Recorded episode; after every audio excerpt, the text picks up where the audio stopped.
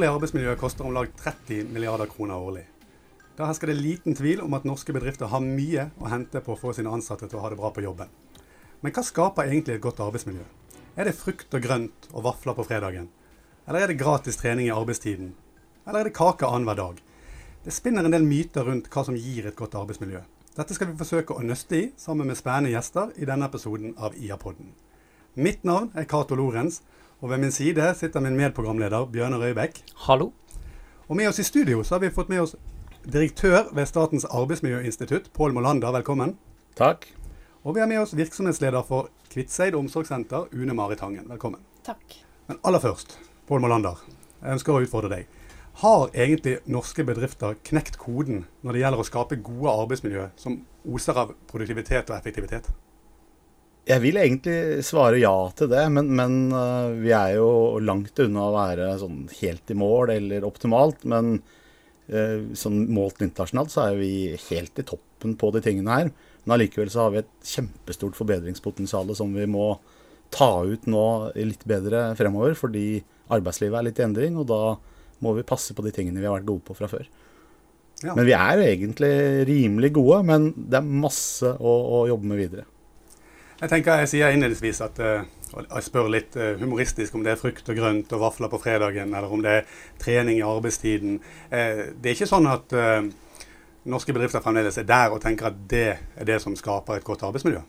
Når det gjelder bevisstheten om hva som skaper et godt arbeidsmiljø, tror jeg vi har ganske mye å gå på. og det er mange som er nede i den grøten der med at de, at de kjøper tjenester som de tror gir et godt arbeidsmiljø. Og det virker faktisk dårligere enn i, i Norge enn i mange andre land, viser uh, en god del forskning, faktisk. Så, så, jeg tenker at det er en sånn enkel tommelfingerregel på hva som er godt arbeidsmiljø. Og det, hvis det kan kjøpes, så er det ofte ikke det. men, men, og vi, vi, skal snakke en del om dette i løpet av episoden, men, men kan du kort si um, hva, hva, er det som er et godt arbeidsmiljø? Hva er det som skaper et godt arbeidsmiljø?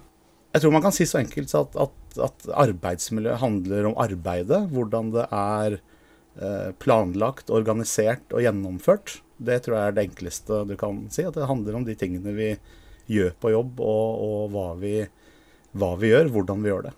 Une Marit Tangen, eh, når du overtok eh, på, eh, som virksomhetsleder på omsorgssenteret i Kvitseid, så eh, hadde dere et eh, høyt sykefravær, 17,5, og et voldsomt underskudd på et par millioner.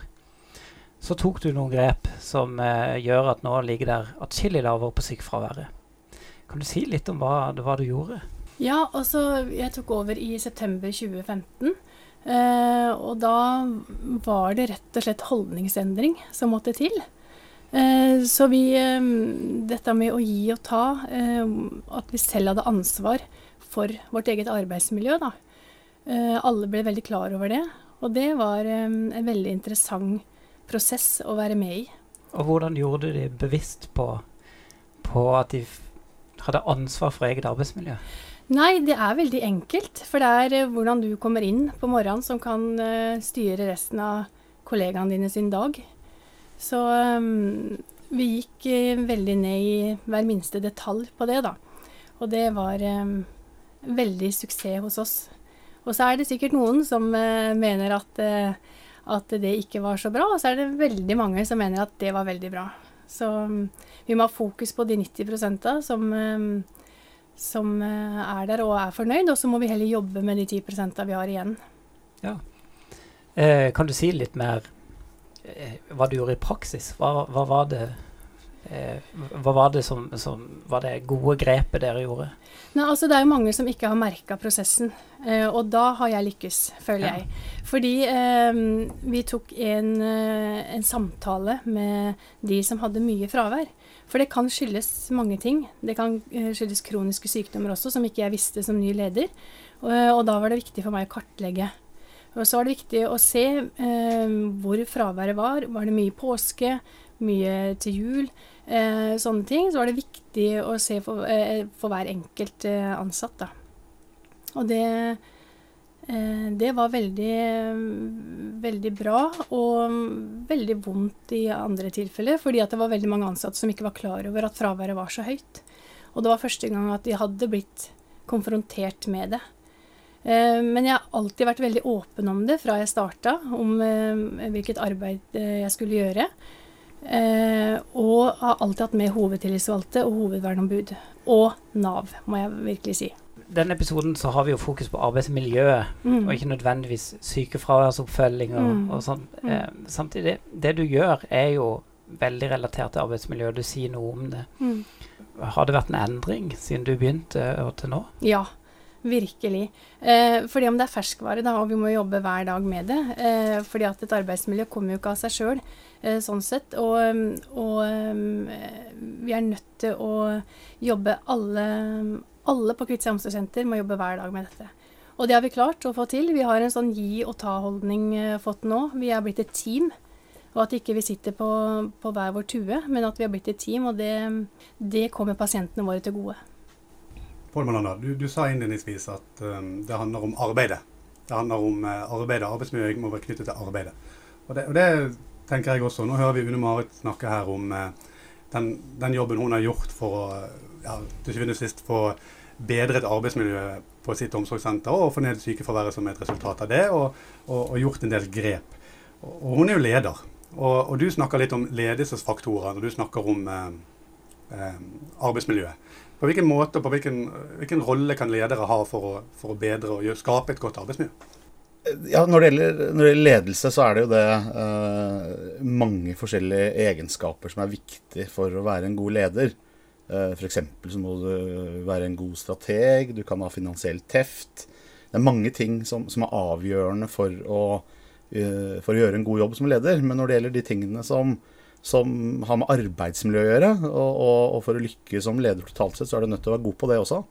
Eh, så er det spesielt sånn, tre ting som skiller seg ut i norsk arbeidsliv, som er viktige lederegenskaper. Og det er for det første at du oppfattes som rettferdig. Det, det, vi, er, vi er et land hvor folk er veldig opptatt av rettferdighet. Vi er ganske like. Lave forskjeller eh, i samfunnet. Så rettferdig ledelse, det er kjempeviktig. Og så kan man jo diskutere hva er rettferdig, da. Eh, noen ganger så er det rettferdig å være litt urettferdig og behandle folk forskjellig, f.eks. For eksempel. Men rettferdig ledelse, det er kjempeviktig. Og så er det også viktig med sosialt støttende ledelse. Det, det også slår tungt ut i Norge at du opplever at, at, lederen støtter, at lederen er med og legger til rette for den jobben du har fått når du har fått delegert oppgaver og ansvar. Og så er det det som, som, som, som binder det litt sammen, som, heter bemyndigende ledelse. Det er litt sånn vanskelig ord. Uh, på engelsk heter det 'empowerment'. Og det er, vil jo da si at du ikke bare delegerer ansvar og oppgaver som folk ofte vil ha i norsk arbeidsliv. Folk, folk står i kø for å få mer ansvar ofte. Men at du, at du da er, er, bevisst på at de også får delegert ressurser og muligheter til å løse de oppgavene på en god nok måte. Mm. Så det er jo litt av den støttedimensjonen. De, tingene flyter jo litt i hverandre. Mm. Men de tre tingene der er det som slår tungst ut sånn på ledelsessiden i Norge. Og så må det jo ikke stoppe der, fordi vi trenger veldig gode ledere i Norge som også kan noe annet enn å være god på arbeidsmiljø. Det er veldig viktig. Folk tenker at en god leder er den som er god på arbeidsmiljø. Den må være god på veldig mye annet også. Men du kommer ikke noe særlig vei uten å få til de tinga der i norsk arbeidsliv, er, er vel det som forskningen viser. Hvis du skal ha folk med, og det er vi mer og mer avhengig av. Kjenner du deg igjen i dette her, Rune Mari? Ja, jeg gjør jo det. Eh, samtidig så så er det dette med å være rettferdig, som Pål sier. Det er kjempeviktig. Og det å vise tillit til sine ansatte, sånn som jeg har prøvd å gjøre, det De får jo ikke tillit til meg med en gang. Som ny leder så må man jo bygge, bygge opp den tilliten. Men, men jeg må jo vise de tillit fra dag én. Og det har vært, vært veldig moro å, å følge dem. Og de har fått mye mer ansvarsoppgaver som har gjort at de har vokst sine, eh, plass, på sine plasser igjen. Så vi er jo helt avhengig av å, å, få til det beste for hver enkelt pasient hos oss. Eh, og det er jo min oppgave da, å trygge og gjøre mine ansatte bedre i, i deres jobb. Samtidig som jeg jobber med, med å komme nærmere inn på, på, de ansatte. Så det er en sånn liten balansegang, men det er eh, det er veldig interessant når man begynner å komme litt innpå hver enkelt. Det slår jo meg også litt at uh, nå, nå, har ikke jeg vært leder, og håper jeg kommer sikkert aldri til å bli det. Men, men, poenget er at man må jo kjenne sine ansatte veldig godt. Gud forby. det, var, det, var, litt sånn. Eh, Man må i hvert fall kjenne sine ansatte ganske godt. Og, og vi vet jo at vi er forskjellige, vi mennesker. Og alle skal bli sett og anerkjent. Og eh, jeg leste også, du, jeg tror det var du Paul Manon, som hadde skrevet det, men uansett, at mennesker har en del behov. De har behov for innhold og variasjon, de har behov for å lære noe i jobben, de har behov for å kunne være med og ta beslutninger innenfor sitt område. De har behov for eh, ja, som du sa, mellommenneskelig støtte og respekt. De har behov for mening og sammenheng. og de Har vi litt for mange behov, eh, vi ansatte? Og er det egentlig eh, mulig å dekke disse behovene? Kanskje du kan si noe Eh, det? Jeg tror det er både og, men jeg tror det er veldig kjedelig å jobbe på en plass der du ikke blir satt krav til også. Eh, og jeg er av den oppfatning at hvis den dagen ikke lederen min ser meg, så, eh, så syns jeg det blir veldig kjedelig. Eh, og det, det er det veldig mange ansatte hos meg også som har sagt at de, de syns det er gøy å bli satt krav til. De syns det er gøy å, å eh, måtte gå inn i sånne saklige diskusjoner på hvorfor vi ønsker sånn og sånn. For da vokser vi, vokser vi med det. Mm.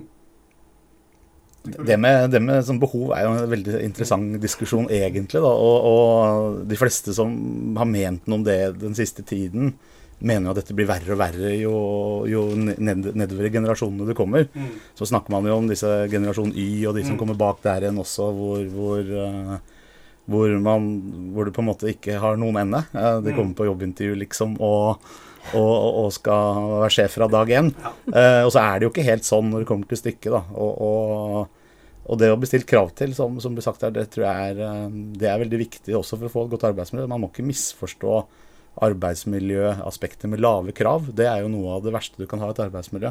Mm. Ikke, eh, at det ikke blir stilt krav til forventninger til en. Da får Mm. man ikke realisert seg gjennom jobben som faktisk de fleste er opptatt av. At det er et meningsfullt arbeid det de driver med. Det er en Mm. driver i alt. da. Så, så i norsk arbeidsliv så er vi flinke til å stille høye krav. Det er høye krav her. Det er vi nødt til å ha fordi vi er i høykostland. For å være konkurransedyktige så er vi nødt til å ha høye krav. Og hvis du da um, har lave krav, så kommer du i en passiv situasjon som ikke er bra for arbeidsmiljøet. Mm. Så, så det, er veldig, det, er, det er få som vet, egentlig, tror jeg, at, at, at det er veldig viktig at det blir stilt krav, men at suppleres med en del andre faktorer Mm. på arbeidsmiljøfeltet som gjør at, at det blir bærekraftig. Mm. Du, du snakka litt om det, balansen mellom krav og kontroll. Ikke sant? At man, Ja. man ønsker også kontroll over sin egen hverdag. Vi, vi er rart sånn, vi er mennesker. Vi, vi ønsker å føle at vi tar avgjørelser og beslutninger innenfor det vi holder på med. Men det må være en overordnet ramme her, og det må være noe som på en måte er førende, kanskje. da. Det må jo være et mål. Kontroll ligger der. Det må jo være et mål for det programmet her, å finne et bedre ord, folkelig ord for kontroll. Da. Kontroll det høres litt sånn litt sånn eh, negativ ut. Og så snakker man om, om medbestemmelse eller egenbestemmelse, autonomi. Men det hadde vært kult å finne fram til et ord som er litt sånn tydeligere. Fordi det handler om å, å egentlig å få lov til å være med og påvirke Mm. arbeidet innenfor de rammer og retninger som er satt av arbeidsgiver. mm. Sånn som det må være i arbeidslivet. Mm. Men at man får størst mulig grad til å, å prege det. Mm. Eh, og det tror jeg er veldig lurt for de som sitter med, med, med skoa på. De veit hvor de trykker, Mm. og, og Mm. har også best forutsetninger i, i en tillitsbasert verden å få det her til å funke. Da. Så, så nå hos oss så kan vi jo videreutvikle sykehjemmet vårt. Eh, for at nå er alle, alle som er der, skal være på plass. Eh, og nå har vi tid til å videreutvikle. Eh, og da er ikke det, kommer ikke det an på meg, men da kommer det på hver enkelt ansatt, hvordan de ønsker å ha det, og hva de vil gjøre. Så vi jobber nå for å bli et av Telemarks beste sykehjem. Og det er veldig, veldig moro å se engasjementet hos de ansatte der. Du nevnte i stad du måtte gi tillit med en gang. Og så måtte du jobbe for å få tillit. Hvordan jobber du for å få tillit? Det er å eh, Altså, jeg kan eh, være ganske brå av person. Eh, Jeg er jo ikke vanskelig å få til å prate, det hører du jo. Men jeg, så mange kan jo misoppfatte meg kanskje i, i, fremgangsmåten min. Da, at det Jeg mener jo ikke noe vondt med det. Men det at jeg er en veldig direkte person og veldig ærlig, og det kan jo være mange som ikke syns er så ålreit. Så det var å finne noen sånne fine veier for å komme inn eh, til hver ansatt som ønska å snakke med meg. Eh, på medarbeidersamtaler også, og prøve å få de til å si mest mulig. Og eh, litt det her pluss og minussider som vi alle mennesker har, da. Eh, og så er vi veldig gode på å si minus, sier. Uh, og det er òg mot leder, ikke sant, eh, hva som er minus. Men det der med å rose hverandre når det er en liten ting også, det, det har vi hatt fokus på at det må gjelde begge veier, da. Så, mm, men eh, og, og tillit det er ikke noe jeg hadde fra dag én hos mine ansatte, nei. Det er det ikke. Eh, hos noen hadde jeg det, men, eh, men det er noe jeg har måttet jobbe for, da. Så eh, det har faktisk vært sånn at man skal hva, hva ansatte Og så hilser ikke de på meg utenfor jobben, så er det helt greit. Men så lenge de hilser på meg innenfor jobben, så da har vi nådd det målet vi skulle. En annen ting, Pål Melander. Jeg har hengt meg litt opp i noe du snakket på på NHO sin årskonferanse. Så, så hadde du en fin plansje der du, der du snakker om i hvert fall seks faktorer som vi vet virker. Mm. Og, det, og, det, er interessant. Men jeg kan ikke utfordre deg enda mer på hva, hva, det ligger i det. For en av disse tingene var eh, rollekonflikt. var var et begrep som kom opp der. Og Kan du si litt hva det betyr på arbeidsplassen å ha en rollekonflikt, og hvorfor det ikke er bra? Jeg får gjenta meg selv at vi, vi, må finne et bedre ord for rollekonflikt også. Men, men uh, her er man eh, på et vis bundet opp av, av litt sånn internasjonale forskningen, og så er det viktig at man bruker sånn noenlunde samme begrep på tvers for å, ha, for å samle kunnskap internasjonalt som, som er appliserbart. da. Men, men uh, rollekonflikt det er jo kanskje den viktigste årsaken til arbeidsrelatert sykefravær og uhelse i norsk arbeidsliv. Og, og, det er mye av det. For jeg sa tidligere at, at vi har høye krav i arbeidslivet, store forventninger. Og også i en tid hvor det er litt sånn trangere budsjetter, så er det veldig viktig. Og så har jo vi som jobber med forskning og, og, kunnskap en utfordring med å få den kunnskapen ut. da. Og, og, jeg tror ikke det er veldig mange som vet hva en rollekonflikt er av norske ledere eller ansatte rundt. da. Så der har vi en sånn felles kjempeutfordring. Jeg tenker at rollekonflikt, hvis jeg skal bruke et sånt eksempel fra, fra, fra Une Marit sin, sin mm. verden, da, så tenker jeg en, en typisk rollekonflikt er at du uh, f.eks. er en hjemmesykepleier. Mm. Og så skal du reise ut og så skal du fylle ut denne pillekassetten som, som en pasient skal ha i en uke. Uh, og Så kommer du dit, og så er pasienten helt utsulta, og det er tomt i kjøleskapet. Og så er det en annen del av tjenesteapparatet som skal besørge der, som har sviktet, eller uh, at, at det har droppa. Så kommer du i det dilemmaet når du står i sånne dilemmaer eh, hvor du har din rolle, men så føler du at du er en del av en kommune, kanskje. En kommunehelsetjeneste som, som, som, også har den rollen, men det er ikke din oppgave. Og så er ikke de her avklart, og så går ikke det smooth. Arbeidet er organisert for dårlig, det har skjedd noen feil. Og når du står i sånne konflikter som det, ikke ikke én dag, men, men, nesten kontinuerlig over tid, så er det noe av det mest usunne du kan oppleve i arbeidslivet. Og det sliter på, på ganske mange. Og det er jo, Da er vi tilbake til at det handler om arbeidet. Da, da hjelper det ikke med en fruktkurv. Da må du gå litt, litt uh, løs med litt, litt, sterkere lut. da. Sånne ting. Når det ikke er samsvar mellom de tingene som er forventet, og de oppgavene du skal gjøre, og, og, og, og de, krav, de, kravene til at, at det blir for stort, det er vanskelig. Og rollekonflikt, eller rolleuklarhet, kall det hva du mm. vil, det skal vi jo ha i norsk arbeidsliv. Eh, det er jo tegn på at det er utvikling, at vi forandrer oss, og at vi løser tingene litt underveis. Vi, vi kan jo ikke stå helt stille og aldri ha det. Men, men, det som vi må være veldig forsiktige med å passe på, er at vi skal ikke ha rollekonflikt som varer over tid. Da har vi et problem, og det har med arbeidets organisering å gjøre. Kjenner du igjen dette, Marit? Er det ja. rollekonflikt? Ja, det, ja. Er det... det er kjempevanskelig. Og så um, har man et budsjett som man skal forholde seg eh, innafor, helst. Og det, det, kan skape veldig mange konflikter, det altså. Men da er det min eh, jobb å prøve å løse det på best mulig måte. Mm. Eh, og så er det en grunn til at vi er der, og det er pasientene. I mitt tilfelle, i hvert fall. Mm. Ja. Det er jo um, en helt annen ting, og det, det, tenker jeg også har hatt litt, til å spørre om. Jeg vet at du er litt opptatt av det, Pål Molander. I forhold til Tidligere så har jeg jobbet som rådgiver på arbeidssenteret innenfor inkluderende arbeidsliv, og det har Bjørne her også. Og vi møter ofte arbeidsgivere når vi snakker om helsefremmende arbeidsplasser, når vi snakker om arbeidsmiljøets betydning og disse tingene her. At det handler om mer enn om uh, å sykle Birken og, og, spise et eple. Men at det faktisk handler om uh, arbeidet og mennesker da, ikke sant? og de behovene som finnes. Så, så, kan det hende en del tilfeller at vi snakker til litt døve ører. Fordi de som ledere eller som bedriftseiere tenker 'what's in it for me'? Hva, hva kan jeg tjene på dette her? Og jeg tenker ofte det, Da, da slo det meg at det er noe man må ha fokus på. Eh, hva vil de få igjen for å satse på arbeidsmiljø? Legge til rette disse tingene på arbeidsplassen? Er det i kroner og øre? Kan du si noe? Er det mulig å peke på noen ting der? Ja, det er det. Og, og, og jeg har vært litt sånn bevisst på å løfte inn den dimensjonen der. Men det er jo samtidig også en annen grøft å gå i, da. Mm. At hvis man, hvis man som, som, arbeidsgiver ender opp med å satse på arbeidsmiljø, egentlig investere i arbeidsprosessene og de mm. ansatte, hvordan den interaksjonen er, og man kun det, gjør det ut fra et sånt øh, snevert økonomisk perspektiv, så er, det en, så er det en annen grøft.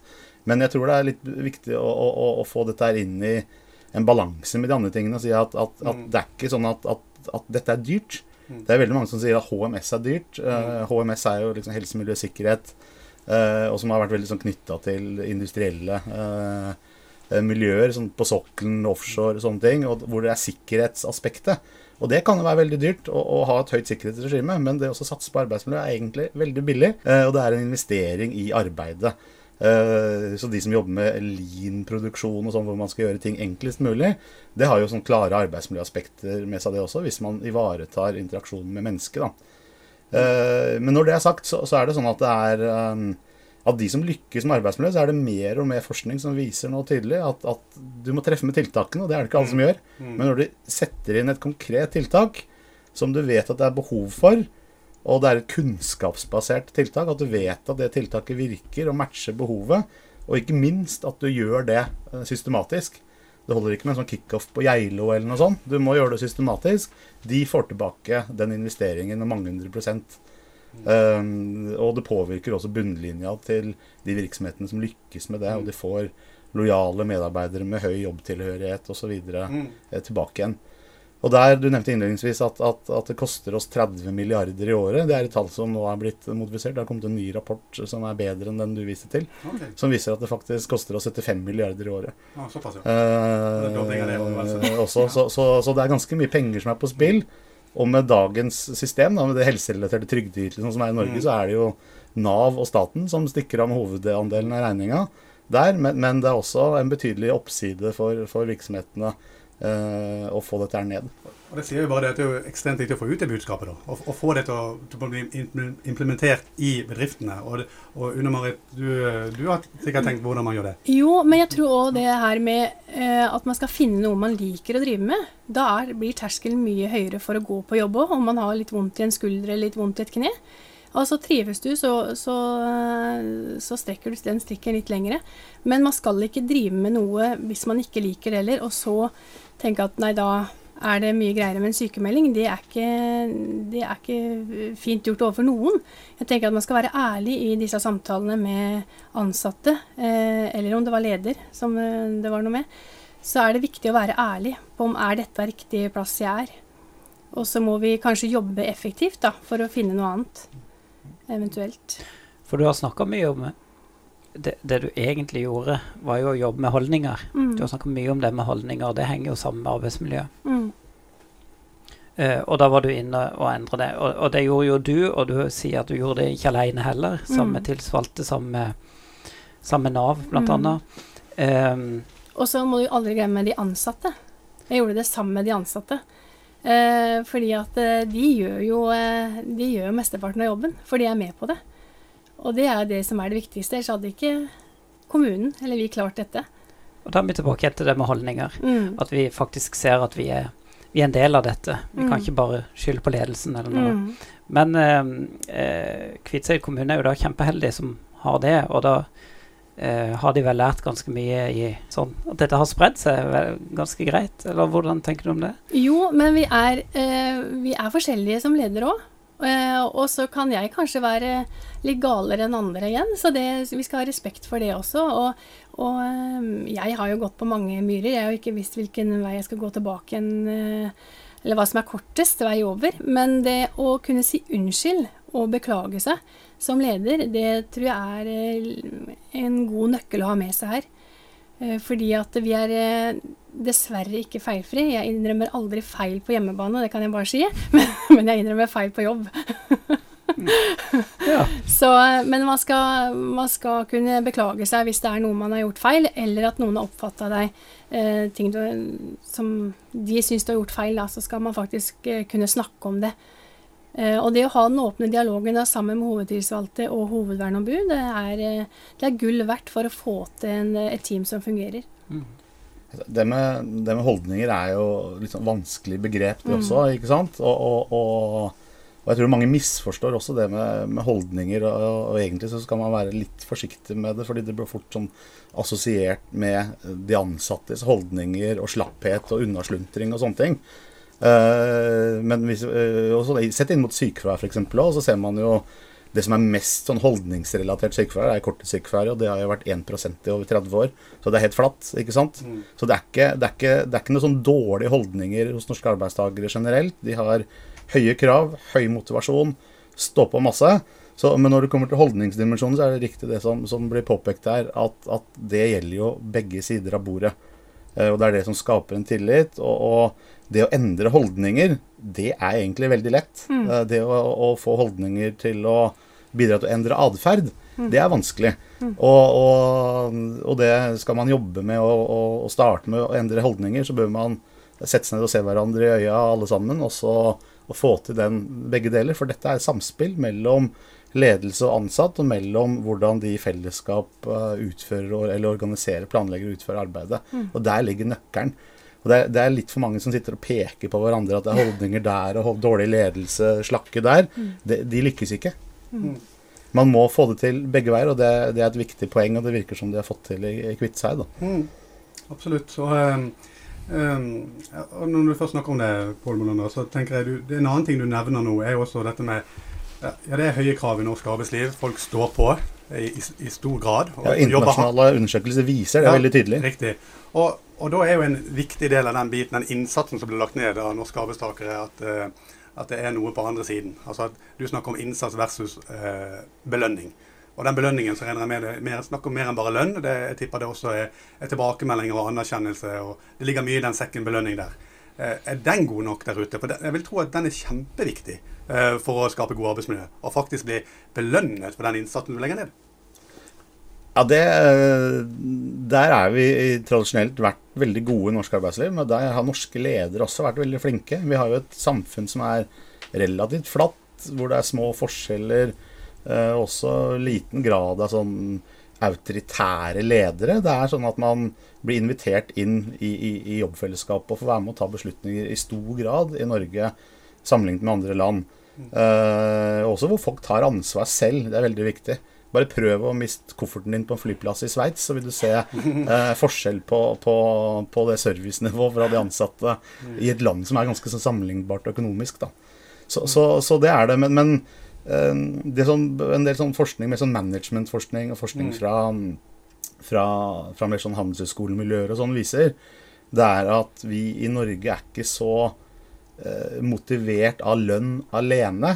Det holder ikke i det norske arbeidslivet. Vi, er, vi, identifiserer oss mer med jobben. Vi blir invitert mer inn og får større eierskap.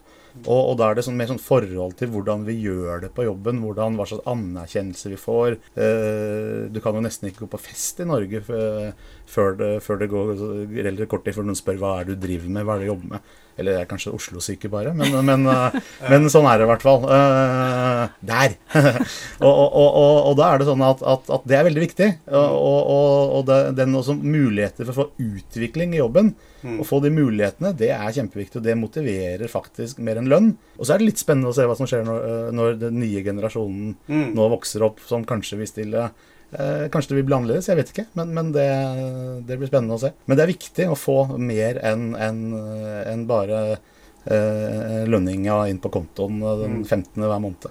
Ja, og det, det viser en del undersøkelser vi har sett òg, og det tenkte jeg å høre med deg, Gunne Marit. at det å anerkjennelse, altså anerkjennelse for det man gjør, og det blir sett på det, og ikke bare resultater. altså Ja, vi har gjort akkurat det, og, ta, og kjempebra at du gjorde det. Men prestasjonen, altså veien til å få til det man skulle gjøre, er, er kanskje enda viktigere for mennesker Mm. å få tilbakemeldinger på. Er det noe du opplever òg? At, Ja. at de etterspør det? Mm. Ja. Absolutt, og det er kjempeviktig. Eh, fordi at vi eh, For å få til teamarbeid, så er vi nødt til å gi tilbakemeldinger. Eh, både på, på godt og vondt. Og så tenker jeg at vi kan si det meste, men det er måten vi sier det på som er avgjørende. Eh, om vi går i Forsvaret eller ikke. Eh, men de ansatte hos meg, dem jo, får jo veldig mye tilbakemeldinger også fra pårørende og pasienter, som er, eh, det er utrolig gøy å høre på når jeg går i gangene der oppe. og de får masse gode tilbakemeldinger, og, og jeg prøver så godt jeg kan å gjøre det. Men eh, man kan alltids bli bedre òg, tenker jeg, på å finne på um, Vi har jo en sånn månedens ansatt som vi har hos oss. Og det er noen eh, Jeg ville gi en flaske champagne, det var, fikk jeg ikke lov til fra Nav. kan ikke skjønne det. så da ble det en blomsterbukett og et eh, hyggelig kort der vi har en, en sånn eh, går igjennom en ansatt da, sammen med alle sammen. Og det trenger ikke være en som har vært på jobb hele den måneden eller sånt. Det kan være en som jeg har sett har slitt og, allikevel gitt det lille ekstra. Hvordan, hvordan begrunner du det, da? For jeg vil jo tenke er, er det en sånn indre konkurranse om å være den som blir, eller er det noe som Nei. Det er det ikke. Nei, det er ikke det.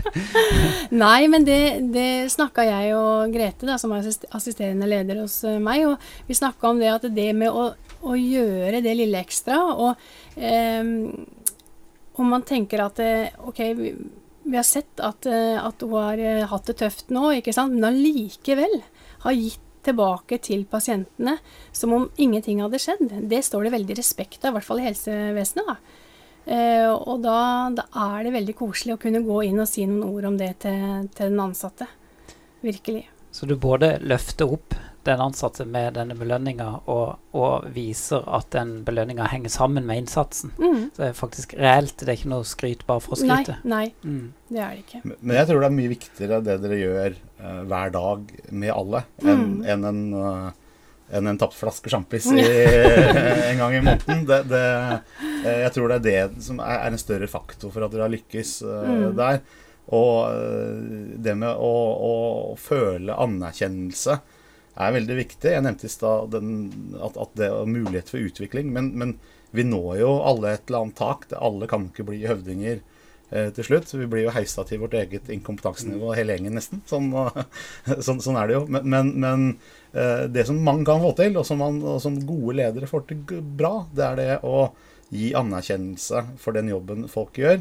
Eh, fordi eh, det at jobben føles betydningsfull, vet vi er veldig veldig viktig for, mm. for både helse og for arbeidsmiljø. Og så er det jo den der balansen der igjen, da, med at ikke vi ender opp i et sånt uh, hva skal vi kalle det for, altså et sånt rosevelde hvor vi bare går rundt og roser hverandre for mening, nei, mm. meningsløse ting.